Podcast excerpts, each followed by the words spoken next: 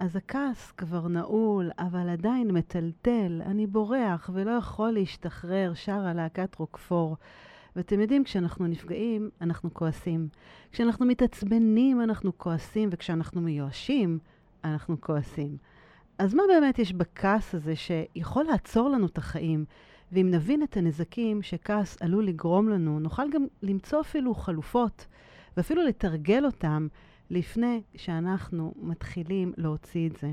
כי תזכרו, שמרים צריכים לטפוח, כעסים לא. אז על זו התוכנית היום. היי, אני חדי חזן, ואחרי שבעשור האחרון חקרתי מכיוונים רבים את נושא הסליחה, אני יכולה לספר לכם שאפשר לחיות טוב יותר. כן, אפשר. אפשר לסלוח לעצמנו, לשחרר כעסים, ולהפסיק להיתקע בניוטרל על החיים שלנו. ועל זו התוכנית, סליחה יומיומית.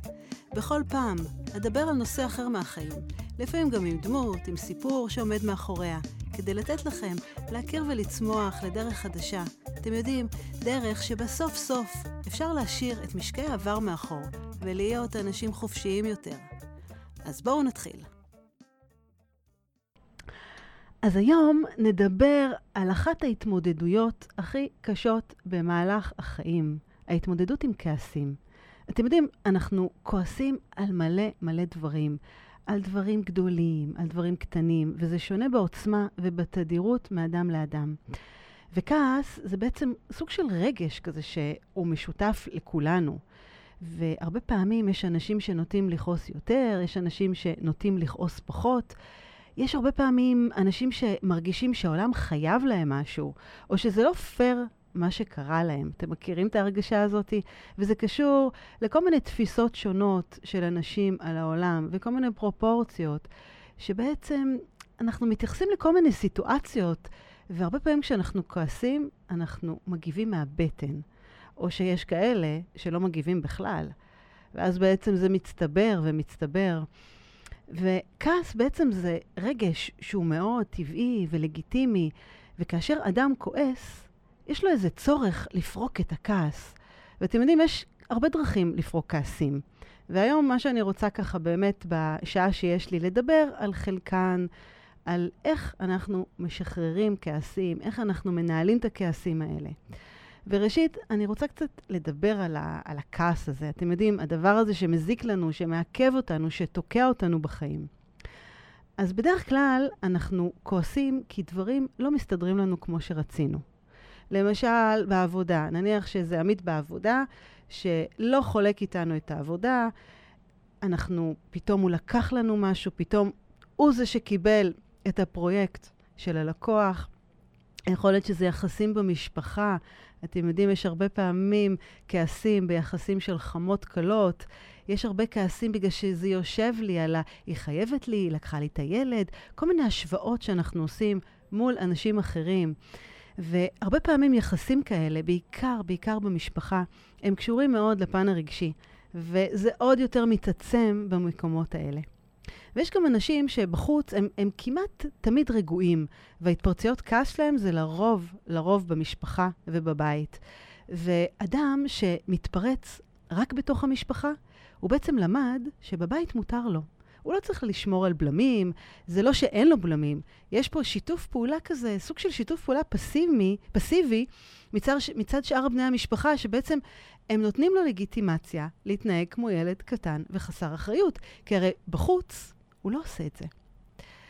הרמב"ן, רבי משה בן נחמן, היה מגדולי ישראל בתקופת התורה. הוא נתן באמת פירושים מאוד ככה מעניינים לתורה, והוא כתב בתחילת האיגרת המפורסמת שלו, זו איגרת שהיא מתייחסת לחשיבות הענווה ואיך להפסיק לכעוס, איך להימנע מכעס, איך אדם צריך להתנהג ואיזה תכונות הוא יכול לשפר. ובהקשר לכעס, הוא ככה כתב משהו מאוד מעניין. הוא כתב שאדם שרוצה לעצב את האישיות שלו, שיתחיל קודם כל בעצם לעבוד על מידת הכעס שלו. וזה מה שהוא אמר. הוא אמר, ברגע שתדברו בנחת לכל אדם, בכל עת, כך בעצם תנצלו מהכעס הזה, שהוא מאוד מזיק לכם, והוא לא נעים לכם, והוא לא מקדם, והוא לא בריא לאף אחד. אבל תגידו, האם באמת אפשר לא לכעוס אף פעם? האם אפשר לדבר תמיד בנחת וברוגע? אז זה לא פשוט, כי הרבה פעמים, איך אנחנו יכולים בעצם לחנך את הילדים שלנו בלי לכעוס? איך אנחנו אמורים להיראות לא מרוצים מההתנהגות שלהם? איך אנחנו נסביר לאנשים שמה שהם צריכים לעשות זה משהו אחר לגמרי? אז כעס הוא בלתי נמנע, אבל בואו נבין דבר אחד חשוב. כעס יש לו ווליום, ואתם יכולים כל פעם להשפיע, בכל עת, על מידת הווליום הזה. תחשבו שאתם כמו במוזיקה, מגבירים ומנמיכים את העוצמות. וזה נכון, זה לא פשוט, אבל כדי להגיע באמת לחיים טובים, רגועים, שמחים, שלווים, אם תחשבו על זה, אפשר לכעוס רק אם יש תועלת לכעס הזה, וגם אם זה מקדם אותנו למטרה מסוימת וחשובה. ובמקרה כזה, אתם יודעים, אתם תראו כלפי חוץ שאתם כועסים, אבל בפנים אתם יכולים לחייך.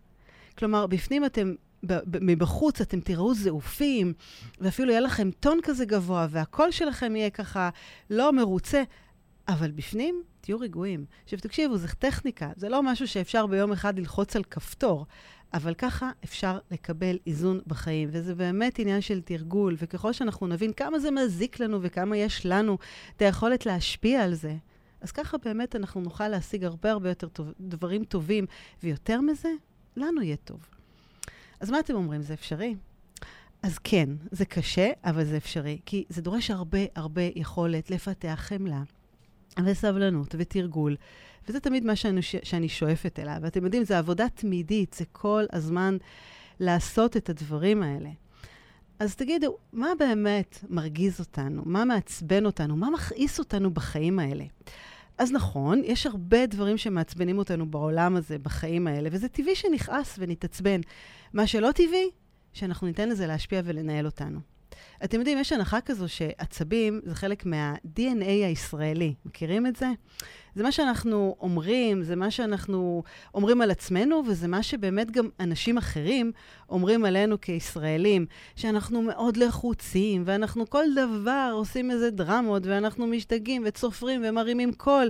ומאשימים את החום ואת הבירוקרטיה ואת הפקקים ואת הממשלה ואת החוצפה ואת יוקר המחיה ואת כל הקומבינות האלה, ולא חסרות לנו סיבות לצאת מהכלים בכל רגע. יותר מזה, תחשבו כמה זה נבואה שמגשימה את עצמה. כי אנחנו כל רגע בעצם מוכיחים שהדבר הזה נכון. ומה עם אנשים שמוציאים אותנו מהכלים? מה עם איזו מילה אחת שיכולה ברגע אחד, אתם יודעים, דבר אחד קטן, ולהפוך את כל הקערה על פיה? וכמה מילים יכולות להפוך באמת את המצבי רוח שלנו. והרבה פעמים אנחנו מגיבים על אוטומט, או יותר מזה, הרבה פעמים אנחנו אומרים איזו מילה כזאת, היא לא במקום, שבדיעבד היא בכלל לא קשורה לעניין, היא קשורה לעצבים שלנו. אז נכון, קל להאשים אחרים. ויותר מזה, קל גם להיכנע לכעס הזה. אבל אנשים, תזכרו, זה החיים שלכם, ויש מה לעשות, ותמיד, תמיד יש מה לעשות. היה בחור שהגיע אליי מהצפון הרחוק, והוא סיפר לי כל הזמן שהוא כועס ומקלל, ויש לו התפרצויות אה, אה, זעם, עצבים, ונמאס לו. הוא מרגיש כל כך לא טוב. יותר מזה, אחרי שהוא מתפרץ, הוא כאילו מרגיש ששמו עליו איזו מסכה והוא הפך להיות בן אדם אחר. והוא לא מבין איך הוא הגיע לזה, הוא פשוט לא סובל את מישהו הוא, מישהו באמת כבן אדם. ויום אחד גם אשתו הצטרפה לפגישה. והיא סיפרה לי שהם כבר 20 שנה נשואים, ובכל זאת היא לא יודעת מתי התקף הכעס הזה יקרה. זה פשוט מפחיד לחיות עם בן אדם שאתה לא יודע מתי פתאום טאק, הר הגעש הזה יתפרץ. והיא מאוד אוהבת אותו, והיא מכילה, ומכילה, ומכילה. הבעיה פה, שהילדים מפחדים ממנו. הם מפחדים להגיד מילה, לא במקום שפתאום ברגע אחד הגפרור יתחיל באמת להצית איזה להבה גדולה. ואתם יודעים, מרק טווין אמר פעם שכעס זה כמו חומצה שיכולה לעשות יותר נזק לכלי שבו היא מוחזקת. כי בעצם זה כאשר לכל דבר אחר עליו היא נשפכת, זה פשוט מבהיר אותו. וכזהו הכעס, זה סוג של עונש. שאנחנו נותנים לעצמנו. עכשיו, תחשבו כמה זה אבסורד. אנחנו בעצם כאילו שותים כוס רעל ומרעילים את הגוף שלנו, ואנחנו יכולים להפסיק את זה, ואנחנו גם עושים את זה. ואנחנו יודעים שזה לא טוב, אבל כאילו משהו השתלט עלינו. וזה לא פשוט, זה נכון, לא פשוט לשלוט על כעס.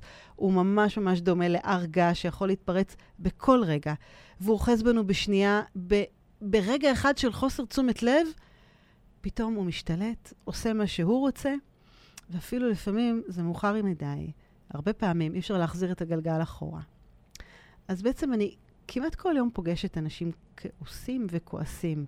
והחדשות הטובות הוא הם שבעצם, אם תכירו את השיטות והטיפים שנדבר עליהם פה היום בתוכנית, איך להתמודד עם כעסים, אתם תוכלו לעזור לעצמכם, גם לאנשים הקרובים לכם, להבין את הרגש הזה של הכעס הרבה הרבה יותר טוב, ולגלות דרכים לשלוט עליו. אז למה אנחנו כועסים? אתם יודעים, אנחנו כועסים כי אנחנו לא מקבלים את מה שאנחנו רוצים, מתי שאנחנו רוצים ואיך שאנחנו רוצים. והכעס הזה, הוא מתעורר בנו שאנחנו פתאום מבחינים שמשהו השתבש בסביבה שלנו, ואז אנחנו מרגישים את הכעס הזה בגוף, אם זה בדפיקות לב, ואם זה בכאבי ראש, ופנים אדומות, ואיזה קוצר נשימה, ותראו מה אנחנו עושים לעצמנו, זה פשוט מטורף.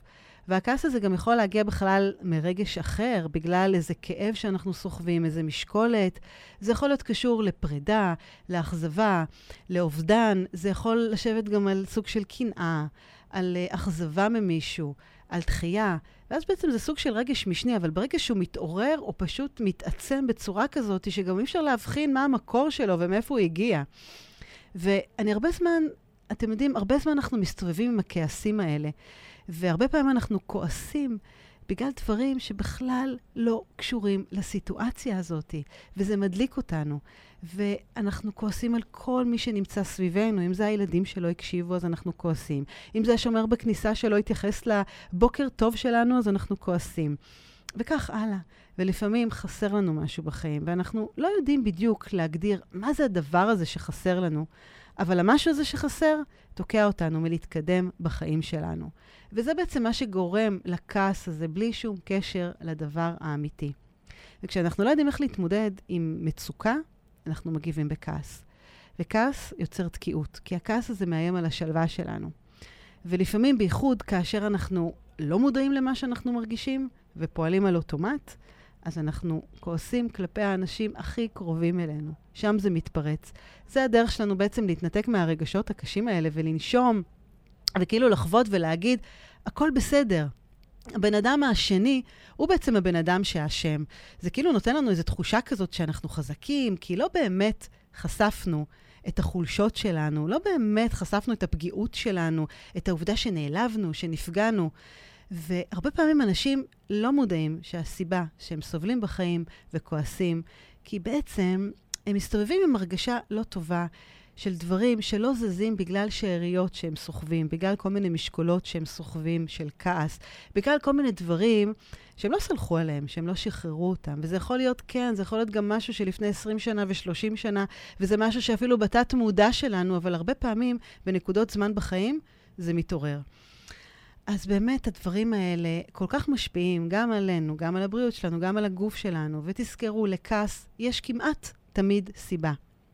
אבל לא תמיד אנחנו כועסים על משהו מסוים, כי לפעמים מספיק שמישהו אומר לנו משהו שאנחנו מפרשים בכלל כביקורת, כדחייה, כמשהו מרגיז שפתאום לא נוח לנו איתו. הוא מאיים עלינו, מאיים על התחושה הנוחה שלנו, אז ישר הכעס הזה מתעורר. וכדי לעורר כעס שבעצם הוא נובע מחוויית עבר שלנו, אתם יודעים, זה דברים שכל כך הרבה מתגלגלים, העולם הוא כל כך עגול, ואנחנו הרבה פעמים נפגשים עם אנשים שלא ראינו הרבה הרבה שנים, וזה מעורר בנו כל מיני תחושות שאפילו לא חשבנו שהן קיימות אצלנו. ולמעשה, כשאנחנו לא פותרים את הדברים האלה, הכעס הזה מתעצם ונעשה גדול, גדול הרבה הרבה הרבה יותר.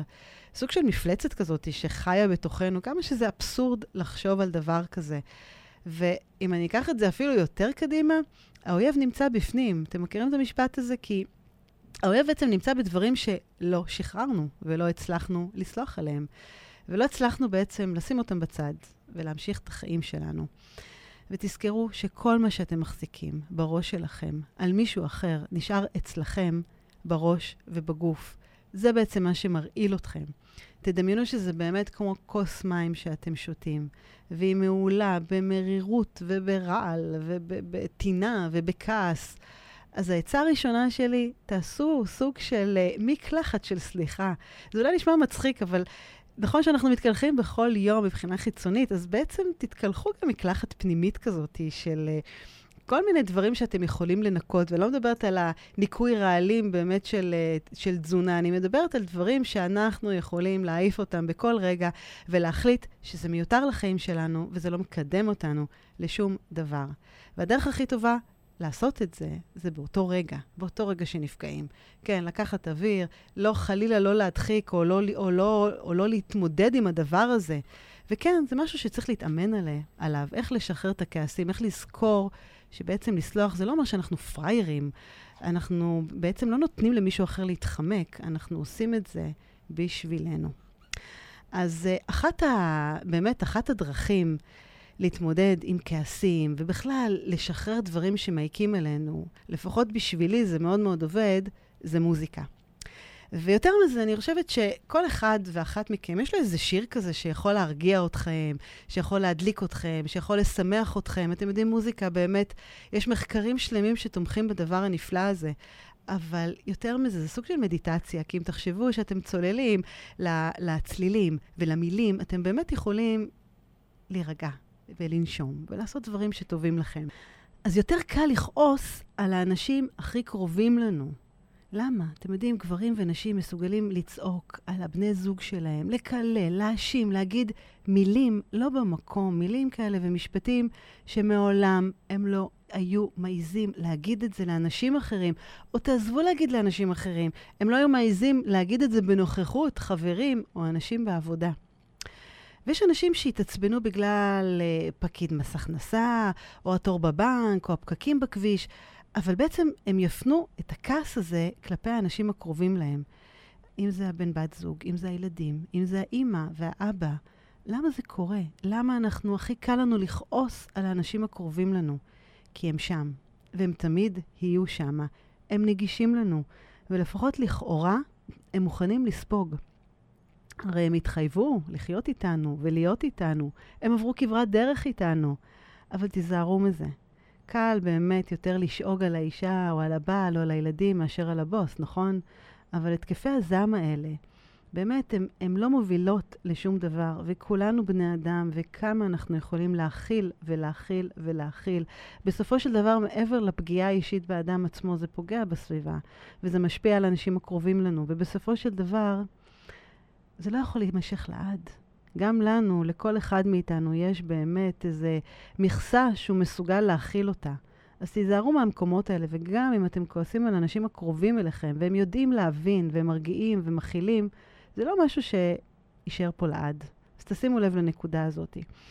וההתקפי זעם האלה, אתם יודעים, הרבה פעמים אפשר למצוא אצל אדם שעבר איזה טראומה, התעללות רגשית או פיזית, איזה סוג של דחייה, אה, הזנחה, נטישה.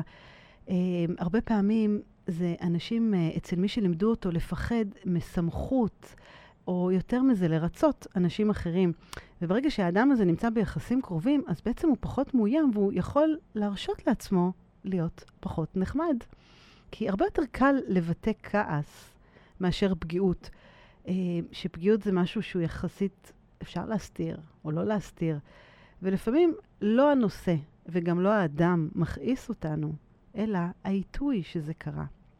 היה אצלי בחור שהוא סיפר שכל הזמן הוא כועס על כל דבר, ואחר כך הוא באמת מלא ברגשות אשמה על זה שהוא פגע באחרים.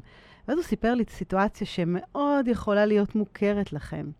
קם בבוקר, השעון לא צלצל לו בבוקר, הוא ראה שהוא מאחר לעבודה, הוא התלבש מהר מהר, ויתר על הקפה, ויתר על העיתון, רץ לדלת. ובדיוק כשהוא פתח את הדלת, הבן שלו בא ומספר לו מה קרה לו אתמול בחוג כדורגל, ואתם מכירים את הילדים החמודים שמספרים סיפורים ארוכים ארוכים, בלי התחלה, אמצע, סוף, והוא לחוץ ועצבני, והוא יודע שהבוס שלו עוד רגע יצרח עליו, הוא יאחר לפגישה חשובה.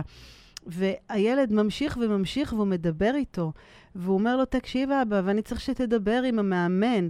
וברגע אחד זה מתפרץ, הכעס מתפרץ, כי בעצם הוא ויתר על הקפה וויתר על העיתון של הבוקר כדי לא לאחר, והוא עכשיו, הילד החמוד הזה מספר לי סיפורים שאני גם יכול לשמוע אותם אחר כך. ומפה זה כדור שלג, כי עונים תשובה עצבנית, טון עצבני, כעס, פרצוף כועס, ובעצם יום שכבר מתחיל לא טוב. והכי הכי חשוב, פגענו בילדים שלנו, באנשים הכי הכי חשובים ויקרים. אכזבנו אותם, התעצבנו עליהם, ועל מה? על שעון שלא צלצל? אתם מבינים את האבסורד שיש בכל הדבר הזה?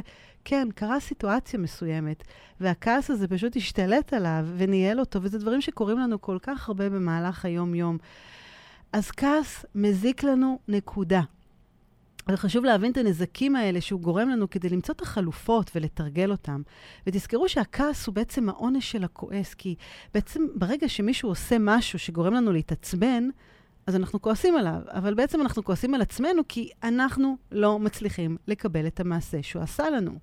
ואנחנו כועסים על עצמנו שאנחנו לא מודעים, ואנחנו מרגישים חסרי אונים, ואנחנו הופכים לבן אדם אחר ושמים איזו תחפושת כזאת על הפנים, שהם לא, היא לא באמת אנחנו. וכך זה בעצם גם בעצב ובתסכול, שאנחנו הרבה פעמים בוכים ועצובים, כי יש לנו איזה פצע שקיים בנו. והיה איזה אדם שהזכיר לנו את הפצע הזה, אבל האדם הזה לא אשם, הפצע הזה קיים כבר הרבה לפני, ואנחנו עוצבים על מה שקיים בנו, ושאנחנו בעצם לא מצליחים להכיל את הסיטואציה הזאת, או לקבל את המצב, ויותר מזה, מתווכחים עם המציאות, מנסים לשנות אותה, מנסים לשנות את העבר. אז תראו, זה לא בריא לכעוס. נלסון מנדלה אמר פעם שכעס זה כמו כוס רעל שאנחנו שותים, ואז מחכים שמישהו אחר ימות. ואנחנו בעצם מרעילים את עצמנו, כי זה אנחנו. והגוף שלנו חכם, הוא הרבה יותר חכם מאיתנו, כי הוא מאותת לנו. תקשיבו לסימנים האלה. אם זה לחץ בבית החזה, ואם זה מועקה ודפיקות לב ורעידות ברגליים, ובטן מכווצת, ופתאום האישונים שלנו שורפים והראש מתפוצץ. נדודי שינה וכל כך הרבה דברים. כל אחד כמובן מגיב בצורה שלו ובתגובה שלו, וזה סוג של דלקת, כי זה יושב איתנו והולך איתנו, וזה יכול לגרום חלילה לשבץ ולהתקפי לב ודברים באמת אה, כל כך חמורים.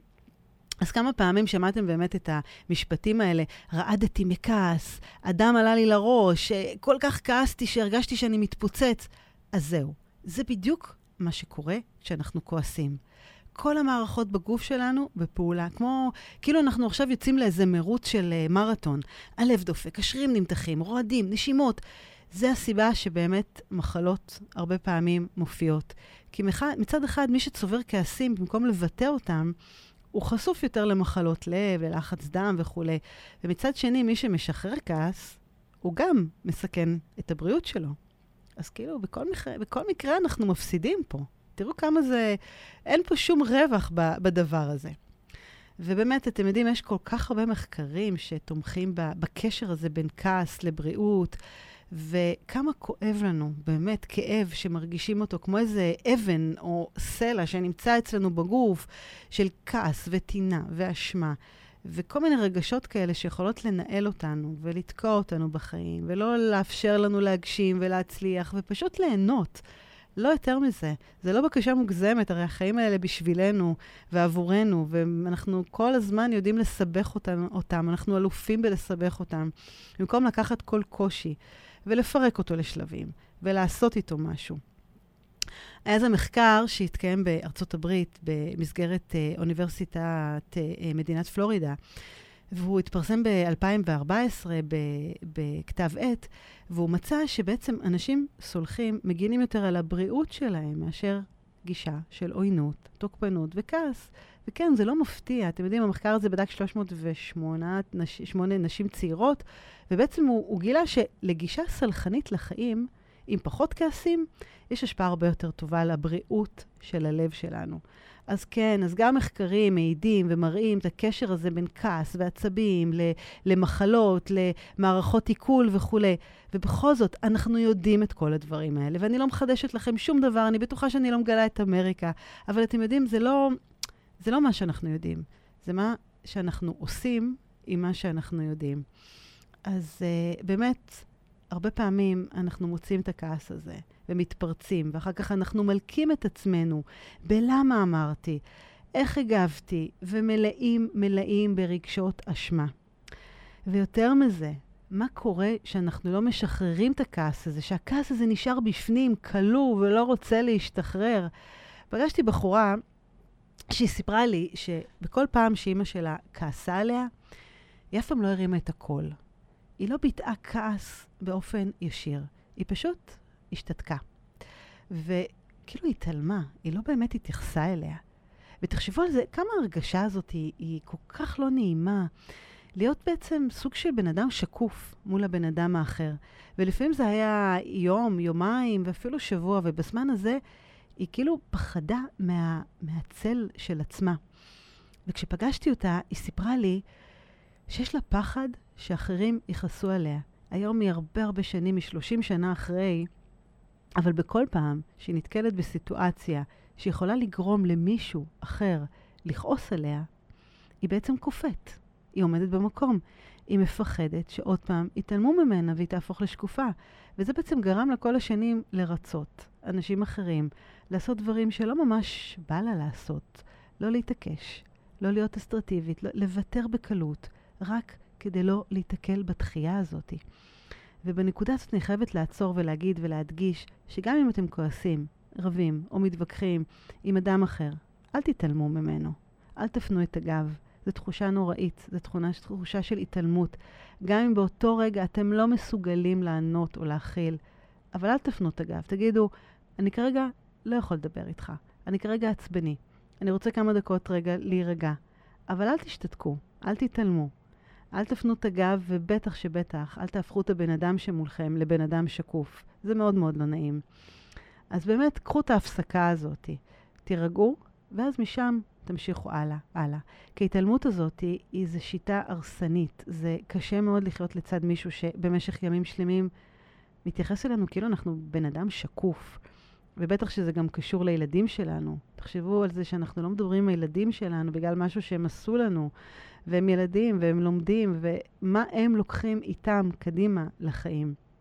אז באמת הדברים האלה, כשאנחנו מתעלמים ממישהו אחר, אם אני יכולה להקצין את זה ובאמת להעביר פה את המסר, אנחנו בעצם מונעים ממנו סוג של חמצן לנשימה. אז מותר לכעוס, וחשוב לכעוס, אבל בואו נכעס נכון. בואו נהפוך אותו לכלי בונה, לא לכלי הורס. ואתם יודעים, הרבה פעמים אנחנו כועסים כי יש לנו איזה איום וסכסוך וחוסר צדק ובגידה והשפלה ולחץ ותוקפנות ופגיעה בכבוד ו- ופגיעה פיזית ו- והרגשה עצובה או איזו הודעה עצובה שקיבלנו. ואז באמת יש איזה התקף כזה והכעס מתפרץ. והכעס גם יכול להפוך לזעם, יש לו עוצמות. אתם זוכרים את העוצמות שאנחנו מכוונים ומדליקים אותן. ואפשר באמת לראות את זה באמת אצל אנשים, כל אחד מגיב לזה בצורה כזו או אחרת. יש כאלה שבאמת שומרים את זה בבטן, ואז ברגע אחד הכל הכל מתפרץ. אז איך באמת אפשר לא לכעוס, או לכעוס פחות על דברים שממש מכעיסים אותנו? אז המטרה שלנו זה בעצם להרגיל את עצמנו לדבר תמיד בנחת, עם טון נמוך וניסוח שלא מתלהם לכל אדם, ותמיד תמיד בכל מצב. אז נכון, זה לא פשוט, כי תכלס, מה מרגיז ומכעיס אותנו? אנשים שאמרו משהו, אנשים שפגעו בנו, נוסעים. למשל, אדם שחושב הפוך מאיתנו, אנחנו אוטוטו לפני בחירות, תחשבו כמה זה מרגיז אותנו, כמה אנחנו רבים עם אנשים שלא מסכימים עם דעותינו, ואנחנו לא מוכנים להכיל ולקבל את זה. והרבה פעמים זה באמת תחושה כזאת שהולכת איתנו יד ביד כל השנים. פגשתי פעם בחורה שאבא שלה תמיד כעס עליה. הוא היה אדם מאוד עצבני וטרוד, שכמעט כל דבר הקפיץ אותו לדבריה. והיא כל יום חזרה מבית הספר בהיותה ילדה, והיא כל כך פחדה וחששה לעשות משהו, כי היה לה פחדים כאלה, שמה יהיה עכשיו אחר הצהריים? איך בכלל אני יכולה ללכת על קצות אצבעות? כי גם כשאני הולכת על קצות אצבעות הוא מתעצבן ומתרגז עליי. וההרגשה הזאת של הכעס לפעמים הייתה מוצדקת, לפעמים לא, אבל האחר הצהריים שלה הפך להיות דבר מאוד מפחיד. וכשהתבגרה, והיום היא נשואה עם ילדים, היא בעצם סיפרה לי שנוצר מצב שפתאום המצב רוח שלה אחר הצהריים תמיד יורד. ויותר מזה, אין לה כוח, לא בא לה. אין לה מוטיבציה לעשות דברים, גם אם זה עם הילדים, גם אם זה עם עצמה. יש תחושה כזאת של עייפות גדולה. והיה בה כעס של בעצם מישהו אחר שנדבק בה, ונשאר בה עמוק עמוק בפנים, והיא גדלה לתוכו, והיא גדלה איתו. ורק אחרי שהיא הבינה שהכעס הזה שם, היא השלימה איתו. היא פגשה אותו, היא הצליחה להשפיע על העוצמות שלו, להקטין אותו מדי פעם, עד שלאט לאט הוא נעלם ונעשה קטן כזה שכמעט לא רואים אותו. ודרך אגב, במקרים כאלה, הסחות דעת של אחר הצהריים זה דברים שיכולים להועיל נקודתית, אבל זה לא באמת פותר את הבעיה. זאת אומרת, אם היא תלך עם הילדים שלה לגינה, או תלך איתם לאיזה חוג כזה או אחר, זה באמת באותו רגע יכול להסיח את הדעת של הכעס ושל העצבים, אבל זה לא באמת פותר את העניין, במיוחד אם הדברים האלה הם יושבים על משהו מאוד מאוד עמוק. אז מה עושים? איך מתמודדים? איך מנהלים? איך משחררים כעסים? דבר ראשון, בואו נקרא לילד בשמו. בואו נבין ונקבל את הכעס הזה. בואו נפסיק להתווכח עם מה שקרה. כי אתם יודעים, כעס זה רגש שהוא קיים, הוא משותף לנו. אז בואו נודה שהכעס הזה קיים, כי גם בכעס הזה, אתם תופתעו אולי לדעת, אבל יש פה גם צדדים טובים. כי זה סוג של רגש שעובד לכאורה מצוין, הוא משאיר את האחרים רחוקים מאיתנו, הוא מסתיר את העובדה שאני נפגעתי וכואב לי, את החולשות שלי. ודווקא בנקודה הזאת אני הכי הכי הכי צריכה קרבה, כי הכעס הזה בעצם מרחיק אותי. אז זה לא פשוט להיפגש עם רגשות מאמללים, מעכבים, פחות נעימים לנו, כמו עם עצב ועלבון וייאוש וחוסר אונים וכעס כמובן. זה קשה, ולכן התגובה האוטומטית שלנו, הרבה פעמים, זה להתרחק ולברוח. והכעס הזה נותן לי פה יחסית, אני אומרת במרכאות, שירות מצוין, כי הוא מרחיק אותי מהמקום הלא נוח הזה, הפגיע, הפגוע. וזה אפילו נותן תחושה כזאת שכן, אני עכשיו חזקה, אני לא צריכה להתמודד עם זה. אבל בואו לא נטה את עצמנו ובואו נשלים איתו. ואם כבר כעסנו וזה קרה, אז קודם כל, אל תתווכחו עם, עם המציאות. אתם יכולים להתווכח, אבל זה לא יעזור שום דבר. בואו נסתכל קדימה, מפה, מה אנחנו עושים? מה אנחנו עושים עם הכעס הזה? כי מתי הוא כן הופך להיות בעייתי? שהכעס הזה הופך להיות הדרך שבה אדם משיג מטרות. או אפילו כאשר אדם לומד שהכעס שלו גורם לכך שאנשים מפחדים ממנו ועושים מה שהוא רוצה. אז זה הצעד הראשון, זה להבין, זה להיות מודע, לקבל את הכעס, להפסיק להלקות את עצמנו על מה שהיה, להפסיק להתווכח עם המציאות. מפה, ללמוד מהטעויות ולהסתכל קדימה. דבר שני, איך לשחרר כעסים, איך לנהל כעסים. אל תגיבו על אוטומט. תתחילו עכשיו סוג של פרויקט כעס. זה מה שאני אומרת לאנשים שאני פוגשת כל יום. דבר ראשון, עכשיו נכנסים לפרויקט. כן, פרויקט הכעס, ממש ככה. כמו פרויקט שאתם לוקחים על עצמכם בעבודה, כמו איזה תחביב, כאילו עכשיו נכנסתם עכשיו לספורט. כן, אתם נכנסים לפרויקט, אתם בעצם עכשיו מסגלים לעצמכם הרגלים חדשים. וכדי לחשוב איך להגיב על הכעס הזה, תקבלו החלטה שאתם עכשיו בפרויקט הזה, ופה צריך לקבל החלטה. כי כאשר אתם בעצם בוחנים כל סיטואציה שמעוררת בכם כעס, ומנתחים אותה לפי פרויקט הכעס הזה, אתם בעצם מתארים את הסיטואציות שת, שאתם בעצם כעסתם בהן, ואתם מבחינים בהן, ואתם לומדים מהן, ואתם רואים איך אתם הגבתם. וכן, תקשיבו, זו חתיכת עבודה.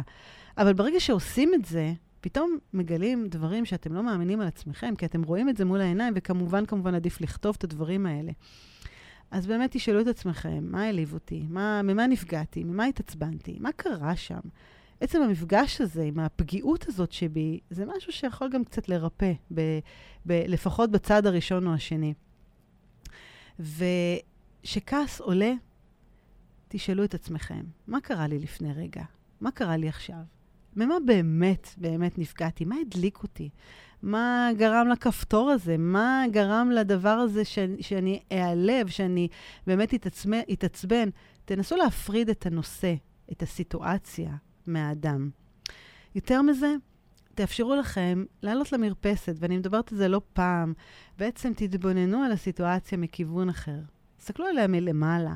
שתסתכלו עליה מלמעלה, על הסיטואציה, לפעמים אתם תגלו דברים כל כך שונים, כל כך אחרים. זה סוג של, אתם יודעים, reframing כזה, שכאילו אנחנו בוחנים מחדש את המציאות. כי כשמישהו כועס עלינו, תנסו לזכור שהוא פשוט מנסה להיפטר ממשהו שמציק לו ומפריע לו. הוא לא יודע איך לעשות את זה, זה לא קשור בכלל אליי. בעצם זה שעשינו איזה פרויקט, ואנחנו מתייחסים לזה, ואנחנו מודעים לזה, זה כבר, זה כבר באמת יכול לעזור לנו. ובעצם לאפשר לנו להסתכל על הדברים האלה כל כך כל כך אחרת. כי אתם יודעים, המציאות היא אותה מציאות. אנחנו נותנים לה פרשנות אחרת ומשנים את הגישה. דבר שלישי, איך לשחרר כעסים. תראו, אי אפשר להעלים את הכעס, אז בואו ננסה לנהל אותו, ונתחיל מהקל אל הכבד. חשוב למצוא כל מיני דרכים שבאמת אנחנו יכולים להרגיע את הכעס באותו רגע. אז כמו שאמרתי, דרך אחת זה מוזיקה נעימה, מצחיקה, משהו שמעלה אנרגיה, משהו שעושה לנו שקט וכיף. תצאו מהחדר. דבר שני, תשברו את הסיטואציה. אם אתם לא מסוגלים להכיל סיטואציה מסוימת והיא מעצבנת אתכם ואתם מרגישים שעוד רגע אתם פתאום תהפכו לבן אדם אחר, תשברו את הסיטואציה. תצאו ממנה, תירגעו, תלכו למקום אחר. תנשמו טוב, תעשו ספורט. יש איזה תרגיל מאוד נחמד שבעצם אנחנו מכווצים את כל העצבים שלנו לחבל הטבור שלנו, ואנחנו בעצם יכולים פה להרגיש שאנחנו בעצם שולטים על, ה, על הדבר הזה. כי אתם יודעים, כולם חושבים שהלב זה מרכז הגוף, אבל הרבה אנשים אומרים שבעצם מרכז הגוף נמצא בטבור שלנו, ואליו אתם יכולים לרכז את כל המחשבות שלכם, במקום להוציא אותם על האדם שמולכם. והשיטה הזאת היא גם, היא, היא אפשר ללמד ילדים, וזה עובד מצוין, כי כל מה שאתם צריכים לעשות זה בעצם לכווץ את השרירים בבטן חזק ולנסות להצמיד אותם לטבור, כאילו בעצם להצמיד את הטבור לעמוד השדרה. והתרגיל הזה מאפשר אה, הרבה פעמים תחושה חזקה של שליטה. כי אני יכולה להרפות ואני יכולה לכווץ, והסיכויים שתתפרצו בזעם, פתאום לאט לאט הם יורדים. עכשיו, יותר מזה, הדבר המדהים פה, שאנשים לא רואים אתכם. אנשים בעצם לא חושבים שאתם, אה, משהו מוזר קרה איתכם, כי אף אחד לא מבין מה, מה למעשה אתם עושים. דבר נוסף, תחפשו משענת. אם אתם באמת במצב ככה של עצבים וכעס וזעם, שבו על כיסא, תישענו על הקיר, שבו על רצפה, תרגישו איזו משענת כזאת, שלא תשאיר אתכם ככה תלויים באוויר. תרגישו שיש מישהו שתומך בכם. זה בעצם סוג של, לפני שאני מאבדת שליטה, אז רגע, אני רוצה להאחז במשהו. ואם כל זה לא עובד, אז בואו נעצור רגע. ונבין שזה קשור לקבלת ההחלטה החשובה, ויותר מזה, איך אני עומדת בה. ובאמת, השיטה המצוינת איך לנהל ולשחרר כעסים, זה תחליטו שרגע לפני שאתם מוציאים את הכעס הזה, אתם עושים פעולה אחת לפני שאתם כועסים. אבל שנייה, קודם כל בואו נחליט, מ-1 עד 10, כמה באמת אתם רוצים לשחרר את הכעסים האלה. והשניות האלה מדהימות, כי אתם יודעים, הם יכולים להפחית משמעותית את עוצמת הכעס, וזה יכול לאפשר לנו להירגע. אז באמת, פעולה אחת זה יכול להיות, אה, אני עושה עשר שכיבות צמיחה לפני שאני עונה ומתפרץ בכעס. אני עושה עשרים קפיצות על רגל אחת, אני לובש חולצה אדומה, אני הולך לשתות כוס מים. כל דבר שבעצם גורם לנו לעשות משהו ולא להגיב על אוטומט. כי זה נותן לנו בעצם תחושה טובה. ועם כל זה, באמת תתרגלו. ושוב, זה עניין של תרגול. זה שווה לנסות, כי כעס, תזכרו, הוא לא נוצר מאירועים חיצוניים שמתרחשים, הוא נוצר מהחוויה שלנו, איך אנחנו תופסים את המציאות שלנו. וזה מאוד מאוד חשוב להבין את הנקודה הזאת, כי המציאות זו אותה מציאות. אנחנו מסתכלים על דברים כל פעם אחרת. אנחנו יכולים, אה, אתם יודעים, לחבוש את המשקפיים הוורודות, השחורות, הצהובות או הלבנות. זאת אומרת, כל דבר באמת הוא תלוי באיך אנחנו תופסים את המציאות. ואם אנחנו נצליח כל פעם לעלות למרפסת ולהסתכל ולהתבונן על כל מיני סיטואציות בצורה קצת, קצת, קצת אחרת, אז אנחנו יכולים לראות עולם שונה והרבה יותר טוב לנו. אז לסיום, תזכרו, כדי לשחרר כעס, תשתמשו בטכניקות.